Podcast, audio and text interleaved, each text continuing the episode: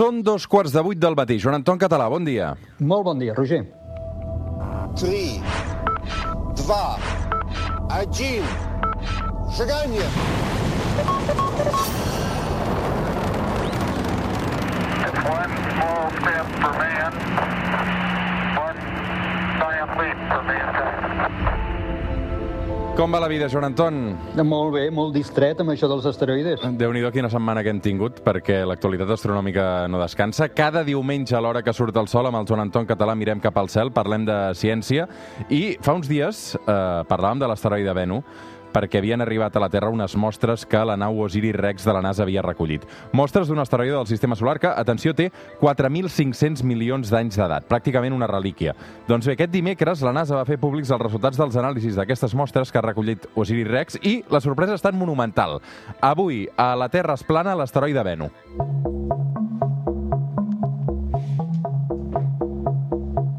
De seguida anem a la sorpresa monumental, però abans, a veure, uh, Joan Anton, fes-nos una mica de resum um, quina era la missió i l'objectiu d'aquesta nau Osiris-Rex de la NASA uh, en aquest asteroide Venu. Molt bé. Aquesta missió que eh, l'hem anat seguint aquí a la Terra Esplana, Osiris-Rex, missió de la NASA que es va enviar en aquest asteroide anomenat Venu, que, per fer-nos una idea de com és, és una roca sobre uns 400 metres de mida. La nau va sortir de la Terra l'any 2016, va trigar dos anys en, en arribar i col·locar-se en òrbita de l'asteroide, i a l'octubre de l'any 2020, en una maniobra espectacular, que hi ha les imatges per internet i que tothom les pot veure, per cert, una maniobra anomenada per la NASA Touch and Go, és dir, toca i vesten, eh, va baixar lentament sobre la superfície de Venu i amb el seu braç la va tocar breument. En aquell mateix instant disparava un flash de gas nitrogen, que és un gas que és inert, vull dir que l'única cosa, l'únic motiu que tenia era provocar que s'aixequessin pedres i sorra, i en aquell moment també l'Osiris Rex s'aixecava per evitar quedar malmesa per aquestes pedres que anaven a l'espai. Moltes d'aquestes pedres quedaven atrapades dins de la càpsula, situada a l'extrem del braç, i la nau en aquell moment va intentar tancar aquesta càpsula. Sembla que va recollir tantes mostres, de fet s'esperaven 60 grams, però sembla que n'ha recollit fins a 250, que fins i tot va costar de tancar aquesta, aquest contenidor, aquesta càpsula, la qual cosa posava en perill tota la missió de retorn. Afortunadament, la nau va aconseguir tancar aquesta càpsula i va començar el viatge de tornada cap a la Terra. Aquestes mostres, la càpsula amb les mostres, són les que van caure el passat 24 de novembre al desert de Utah i recordem que la nau, Osiris Rex, va continuar viatge i se li va enviar, se la va enviar cap a un temudíssim eh, asteroide, que aquí també n'hem parlat, que és a l'Apofis, aprofitant aquest pas tan pròxim que farà a la Terra l'any 2029. I què va passar el dia 24 de setembre, Joan Anton, quan aquestes mostres per fi van tocar terra? Que havien calculat, com sempre, havien calculat exactament el lloc on cauria. Bé, quan dic exactament no vol dir el mil·límetre, el lloc, evidentment, eh? però això n'anomenen una elipse. Una elipse és una zona que té aquesta forma com d'elipse, que és on, esperen que, on esperaven que arribés aquesta càpsula, que efectivament va caure dins d'aquesta elipse, ajudada amb, amb paracaigudes, i amb moltíssima precaució l'equip de terra que esperava recollir aquesta càpsula, havien assajat la maniobra durant setmanes abans, doncs les van, les van custodiar fins que va arribar un helicòpter que les va aixecar, la càpsula, i la va traslladar cap a una instal·lació militar, perquè aquesta zona del desert de Utah on va caure pertany a una instal·lació militar nord-americana. Allà es va custodiar la càpsula fins que per avió es va enviar a Houston al Johnson Space Center, que és a on s'ha començat a obrir, no s'ha obert del tot, ara ho explicarem, però és on s'ha començat a obrir i en directe per internet l'altre dia en una roda de premsa, on va assistir fins i tot a l'administrador general de la NASA, el Bill Nelson, ens van donar aquests grans titulars. Mm. Uh, què es va trobar la, els científics de la NASA quan va obrir la càpsula, Joan Anton? Vale, aguanto un moment el que es va trobar i dic, torno a dir, el que es va fer és la càpsula, per imaginant-la, doncs és una càpsula que dins té un altre contenidor tancat. El contenidor tancat de dins de la càpsula és el que, el que porta, el que du la major part de les mostres. Aquest contenidor encara no s'ha obert. Aquest encara no s'ha obert. El que van fer és obrir la càpsula com el contenidor extern, per entendre'ns, i a dins ja hi van trobar mostres de l'asteroide Venu, que o bé perquè la càpsula, el contenidor de dins ja va ple o bé simplement perquè havien quedat allà fora, doncs eh, estaven en aquesta part més externa de la càpsula, però protegit completament. Són mostres que no han tocat atmosfera ni de la Terra ni s'han contaminat. I això és el que, el que van obrir. I el que van fer és, durant uns 10 dies, abans d'aquesta roda de premsa, els científics van fer unes primeres anàlisis, molt, molt de pressa. És com si, eh, doncs això, fem unes quantes proves per anunciar ja d'entrada què, què hi trobem. I aquests anuncis són els que ara explicarem en detall, però bàsicament els titulars són aigua i molècules químiques orgàniques, és dir, compostes per carboni.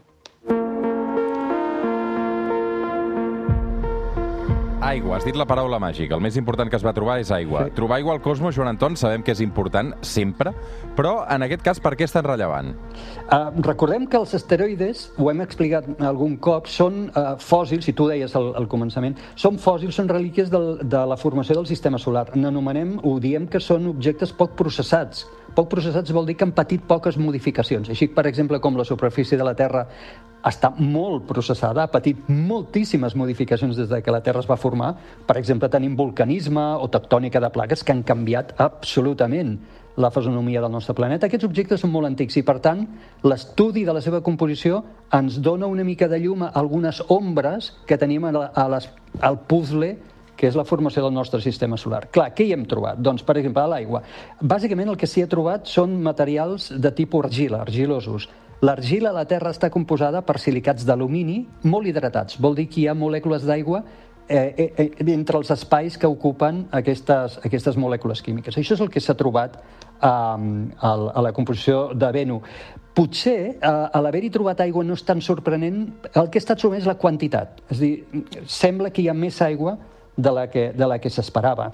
Això, recordem també que hi ha una hipòtesi sobre la taula que tenim, que és que l'aigua a la Terra podria haver estat portada per eh, impactes d'asteroides durant la primera part de formació del planeta. El fet que trobem asteroides com Venu amb composició molt rica en aigua recolza aquesta hipòtesi. Dius, home, doncs igual sí que tota l'aigua, o quasi tota l'aigua que tenim a la Terra, va venir portada per impactes asteroides, atès que aquests objectes sabem que van impactar contra aquella Terra primitiva i, a més a més, ara sabem que són molt rics en aigua. Per tant, aquesta és la importància d'haver-hi trobat aigua, tanta aigua, en aquest asteroide. La segona troballa més rellevant és la del carboni, Joan Anton. Què significa que aquest asteroide Venu eh, hi hagi carboni? Car carboni és un altre dels, dels components bàsics per la vida tal com nosaltres l'entenem. Havíem parlat de l'aigua, l'aigua és essencial, tots els organismes de la Terra el necessiten, carboni també. La química del carboni és la que dona les molècules químiques que formen tota, tota cosa que té, que té vida. Uh, encara no sabem quines molècules orgàniques de carboni hi ha dins de Venu, perquè no hem pogut fer les anàlisis, que això trigarà mesos i anys en fer-se, però ja, ja sabem que n'hi ha. I, de fet, la NASA, a la conferència, va dir, ho va dir el Bill Nelson, de l'Institut General de la NASA, que són les mostres dutes des de fora de la Terra amb més contingut de carboni que mai s'han portat. I ens van ensenyar, per exemple, una imatge d'un petit granet eh, de, de mostres de Venu vist sota la llum d'una làmpada ultraviolada, on ja es veuen fosforescències de color blau que ens explicaven que corresponen a compostos orgànics. De nou, el que sorprèn no és trobar-hi molècules basades en carboni, però és la quantitat. De fet, esperen que quasi el 5% en pes de tota la mostra portat de Venu correspongui a carboni. I això és el que és totalment inesperat, alhora que, que fascinant. Um, clar, de nou, els impactes d'antics asteroides contra una Terra primitiva podrien haver enriquit de molècules orgàniques a aquella Terra. Això Joan Oró ja ho deia, ell parlava dels cometes i dels asteroides com a possibles fonts d'aquests blocs de la vida. Doncs això torna a ser una altra demostració de que en el moment en què es va formar el sistema solar ja existien aquests compostos i, a més a més, eren abundants. Torno a dir, encara no sabem eh, quins compostos orgànics exactament són i aquí segurament hi haurà sorpreses, però majúscules, i, i, i ara hauran de començar els estudis.